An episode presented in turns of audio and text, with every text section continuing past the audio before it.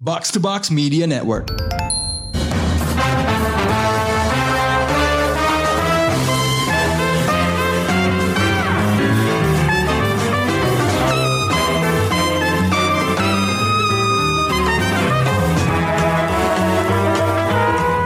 Hai hai pendengar Showbox, ketemu lagi bareng gue Krisna di episode terbaru Showbox Podcast. Di solo review Korea Vaganza kali ini, gue mau ngebahas film ya yang bisa dibilang mungkin sebagai salah satu proyek paling mahal di Korea tahun ini kali ya. Yes, kali ini gue mau ngebahas film The Moon yang disutradarai dan ditulis naskahnya sama Kim Yong Hwa. Mungkin buat teman-teman yang belum terlalu familiar sama nama sutradara dan penulis naskah satu ini, sebelumnya dia udah lebih dulu dikenal lewat karya-karyanya kayak uh, 200 Pounds Beauty, terus ada Mr. Go, terus juga mungkin yang paling gede dan paling populer yaitu dua film Along with the Gods yaitu The Two Worlds sama The Last uh, 49 Days. Sementara di daftar pemainnya The Moon ada dua pap aktor papan atas Korea ya yang bisa dibilang juga datang dari dua generasi yang berbeda sebagai duet pemeran utamanya lah ya. Yang pertama nih ada Sol Kyung Gu. Ya, dia bisa dibilang sebagai salah satu aktor terproduktif lah di Korea. Bahkan dia udah aktif di industri perfilman Korea tuh dari tahun 1996. Dia udah main banyak banget di film top Korea kayak Cold Eyes, terus uh, Memoir of a Murderer, terus dia muncul juga di 1987 When the Day Comes, terus sampai terakhir bahkan di tahun ini aja dia masih bisa kita lihat lagi di dua judul lain yaitu Phantom dan Kill Buksun yang pernah kita bahas juga di Showbox ya. Terus lalu pemeran utama yang satunya lagi, nah yang ini mungkin udah jauh lebih lebih dikenal duluan lah ya sama para penggemar K-pop. Yes, dia adalah Do Kyung Soo ya atau yang dikenal juga sebagai Gyo yang uh, anggota dari grup EXO. Sebujurnya karena gue nggak terlalu dengerin K-pop, gue justru tahu Dio duluan tuh sebagai aktor, tepatnya di film uh, Card yang udah lumayan lama dirilis tepatnya di 2014. Nah, habis itu baru gue tahu oh kalau ternyata dia anggota EXO juga gitu. Nah, setelah di Card, gue lihat acting Dio lagi tuh di My Annoying Brother, terus di Swing Kids, terus juga di Along with the Gods bareng sutradara Yonghwa ya. Nah, di Along with the Gods itu walaupun bisa dibilang dia bukan pemeran utama, tapi menurut gue sih di setiap kemunculannya dia selalu jadi apa ya kayak scene stealer banget lah gitu menurut gua makanya menurut gua Dio ini termasuk idol yang apa ya punya talenta acting gede banget. Karir actingnya pun menurut gua sih punya potensi buat terus naik dan mungkin beberapa tahun ke depan dia bakal mak dia bakal makin kokoh lah sebagai salah satu aktor top Korea ya ya asal dia bisa tetap konsisten ya dengan dengan apa kayak dengan kemampuan acting yang sekarang gitu ya. Dan mungkin juga dia harus lebih uh, selektif mungkin dalam milih-milih film, milih-milih proyek. Jadi kalau itu bisa dia lakuin sih gue yakin dia bakal makin makin gede di Korea gitu ya. Oke, sekarang kita langsung masuk ke pembahasan tentang filmnya aja kali ya. Nah, The Moon ini bersetting beberapa tahun di masa depan. Nah, gue lupa, agak lupa persisnya tahun berapa. Tapi yang pasti di masa itu tuh Korea Selatan tuh udah termasuk jadi negara di dunia yang berusaha melakukan misi ke bulan. Tapi sayangnya misi pertama mereka tuh berakhir tragis lah. Karena pesawat yang membawa astronot-astronot mereka tuh meledak nggak lama setelah diluncurin bahkan sebelum sampai di orbit bumi bahkan. Nah baru lima tahun kemudian Korea kembali apa ya kayak mencoba melakukan misi ke bulan lagi dengan mengirim tiga astronot. Salah satunya itu Wang Sunwo yang diperankan sama Dio. Tapi ya lagi-lagi misi ini ketemu masalah besar lah ya. Pas sudah di orbit bulan udah udah deket banget sampai ke permukaan bulan Nah, pesawat Korea ini ngalami apa ya kayak ngalami kerusakan lah, kerusakan besar gitu ya. Setelah diterjang uh, solar wind. Nah, dua astronot mereka pun bahkan tewas gitu ya saat berusaha ngebenerin kerusakannya. Nah, hal ini yang akhirnya bikin si Sunwo ini tinggal sendirian buat bertahan hidup. Ya, tampil dia tetap berusaha menyelesaikan misinya juga ya yang disebut nih untuk apa ya kayak ngambil sampel sampel tanah lah di bulan buat diteliti lebih lanjut gitu ya. Nah, repotnya lagi di antara tiga astronot yang berangkat ini bisa dibilang si Sun Woo ini yang justru paling apa ya kayak paling nggak berpengalaman lah dalam mengoperasikan pesawat luar angkasa. Nah, sementara di bumi badan intra, antariksa, antariksa Korea juga sama hebohnya lah dilanda kepanikan gitu ya. mereka juga langsung berusaha mencari cara untuk bisa nyelamatin Sunwoo dan ngebawa dia balik ke bumi gitu ya. Nah, untungnya mereka berhasil mendapat bantuan dari uh, Kim Jae-guk yang diperankan oleh si Sol Kyung-gu. Nah, dia ini mantan kepala dari misi ke bulan sebelumnya yang berakhir tragis itu gitu ya. Nah, cuman dia juga orang yang paling ngerti dalam mengoperasikan pesawat luar angkasa Korea. Makanya uh, bantuan dia nih sebenarnya sangat dibutuhkan gini ya. Nah si Jeguk nih emang awalnya agak-agak apa ya, nggak terlalu agak sempat menolak lah gitu karena mungkin dia masih trauma dengan kegagalan di misi sebelumnya gitu ya. Tapi setelah dia tahu kalau ternyata si Sunwoo nih anak dari mantan rekannya yang dari misi sebelumnya juga yang apa ya meninggal bunuh diri setelah merasa bertanggung jawab atas tragedi itu itu akhirnya si Jeguk nih justru jadi berusaha keras lah sangat bekerja keras untuk bisa nyelamatin si Sunwoo gitu. Nah ketika ngomongin The Moon emang uh, gimana ya? Mau nggak mau emang harus dimulai dari kualitas produksinya sih. Nah sebenarnya gimana ya? Gue juga udah lumayan bosen banget sih buat bilang kalau level produksi sinema Korea tuh udah hampir setara Hollywood lah apalah bla bla bla bla bla bla gitu ya. Ya faktanya gitu ya mungkin sejak 10 tahun lalu lah gitu ya. Atau bahkan lebih gitu belasan tahun lalu. Waktu gue masih kerja di majalah film gue udah bilang kalau yang di atas sinema Korea dalam urusan kualitas produksi ya ya itu tinggal Hollywood aja gitu. Dan perbedaan itu pun menurut gue udah bisa dibilang tipis sih. Nah itu lagi-lagi terbukti di Demun ini. Budgetnya emang lumayan gede lah ya untuk ukuran Korea. Ya tepatnya yang gue baca sih eh, uh, 28 miliar won. Tapi tetap aja itu berkali-kali lebih kecil kalau dibandingin sama misalnya budget film blockbuster Hollywood lah gitu ya.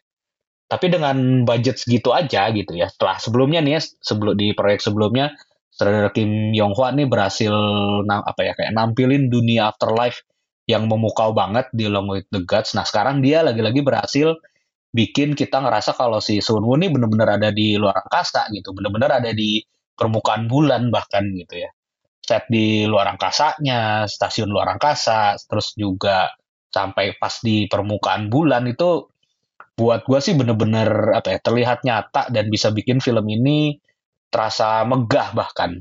Tapi nggak cuma itu bahkan.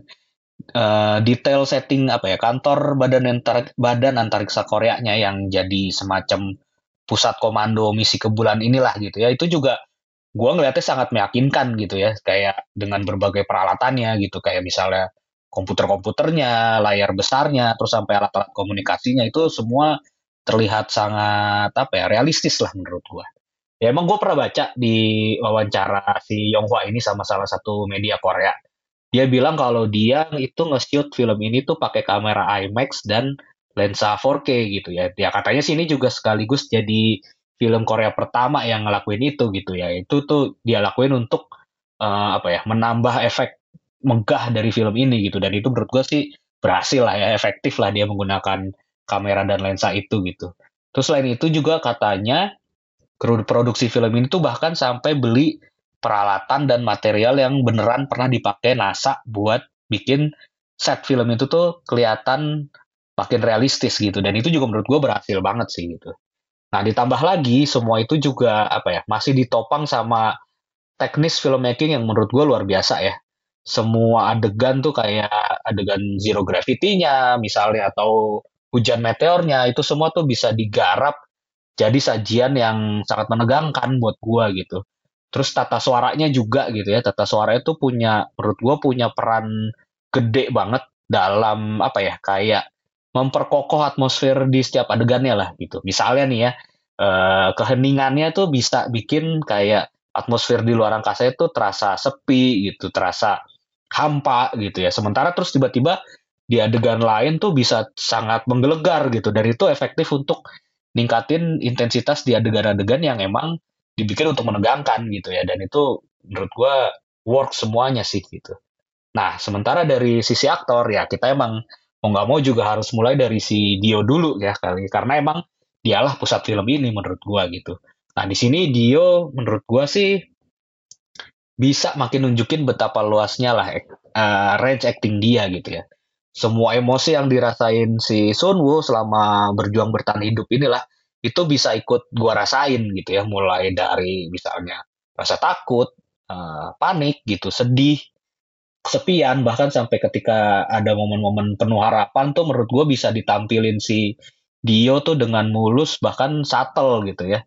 Nah bahkan untuk selain bukan cuma itu bahkan untuk adegan-adegan action yang kayak yang tadi gue sebut kayak pas bagian zero gravity atau bagian kejar-kejaran sama hujan meteor itu itu tuh Dio juga bisa terlihat sangat fit gitu. Padahal adegan-adegan itu pasti sangat menguras fisik gue yakin. Nah sementara untuk pemeran utama satunya lagi si Sol Kyung Gu ya kalau dia sih emang udah veteran lah ya yang aktingnya menurut gue sih udah nggak perlu dilakukan lagi lah ya ya sih apa ya kayak di awal-awal ketika dia baru datang ke kantor badan antariksa Korea gitu ya emang sikap apa ya kayak rusuh emosional dan gerasak gerusuknya si Jeguk nih kadang emang ganggu dan nyebelin gitu ya ngelihatnya tapi terus tiba-tiba jadi masuk akal setelah kita tahu emang ada rasa bersalah yang gede banget di baliknya gitu ya jadi emang motivasi dia nih gede banget buat uh, bisa mulangin si Sunwoo gitu ya. Nah, faktor rasa bersalah Jeguk ini juga yang menurut gua akhirnya bisa bikin The Moon ini punya lapisan emosi lebih banyak gitu ya.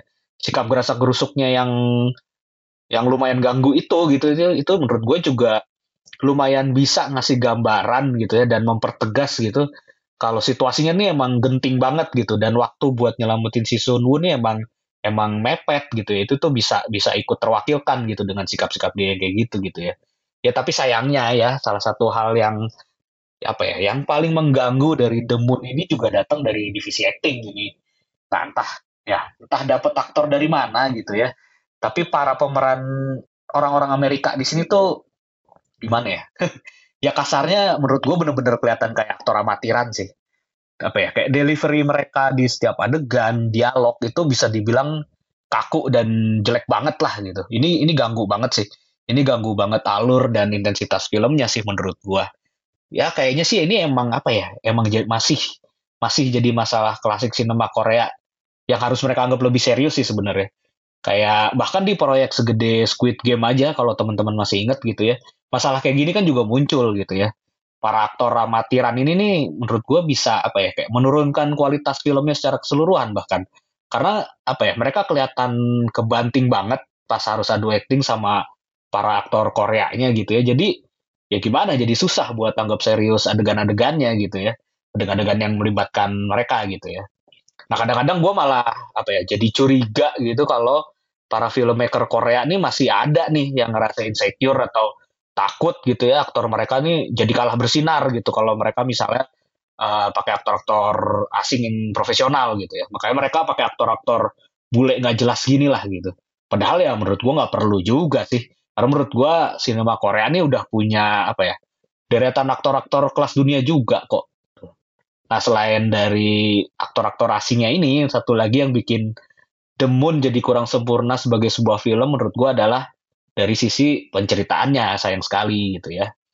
Menurut gue sebenarnya, menurut gue nih ya sebenarnya kemampuan film Korea dalam apa ya selalu nyelipin drama menyentuh gitu ya di apa pun genre filmnya itu adalah apa ya ciri khas dan kelebihan yang sebenarnya itu bikin sinema Korea tuh istimewa gitu ya. Ya tapi sayangnya di film ini justru lebih sering kurang pas aja sih penempatannya. Jadinya lumayan film apa ya lumayan bikin film ini sempat jadi terasa dragging dan bertele-tele aja sih menurut gua kayak misalnya juga salah satu salah satu yang paling mengganggu gua dan menjadi kekurangan adalah ketika proses si Sun Woo nih menerima fakta di balik kematian bapaknya gitu ya ketika dia tahu uh, bagaimana sebenarnya yang terjadi terus hingga akhirnya dia bisa memaafkan dan berdamai dengan situasi itu dan bahkan itu kan bis, di sini digambarin mengembalikan semangat hidupnya gitu ya.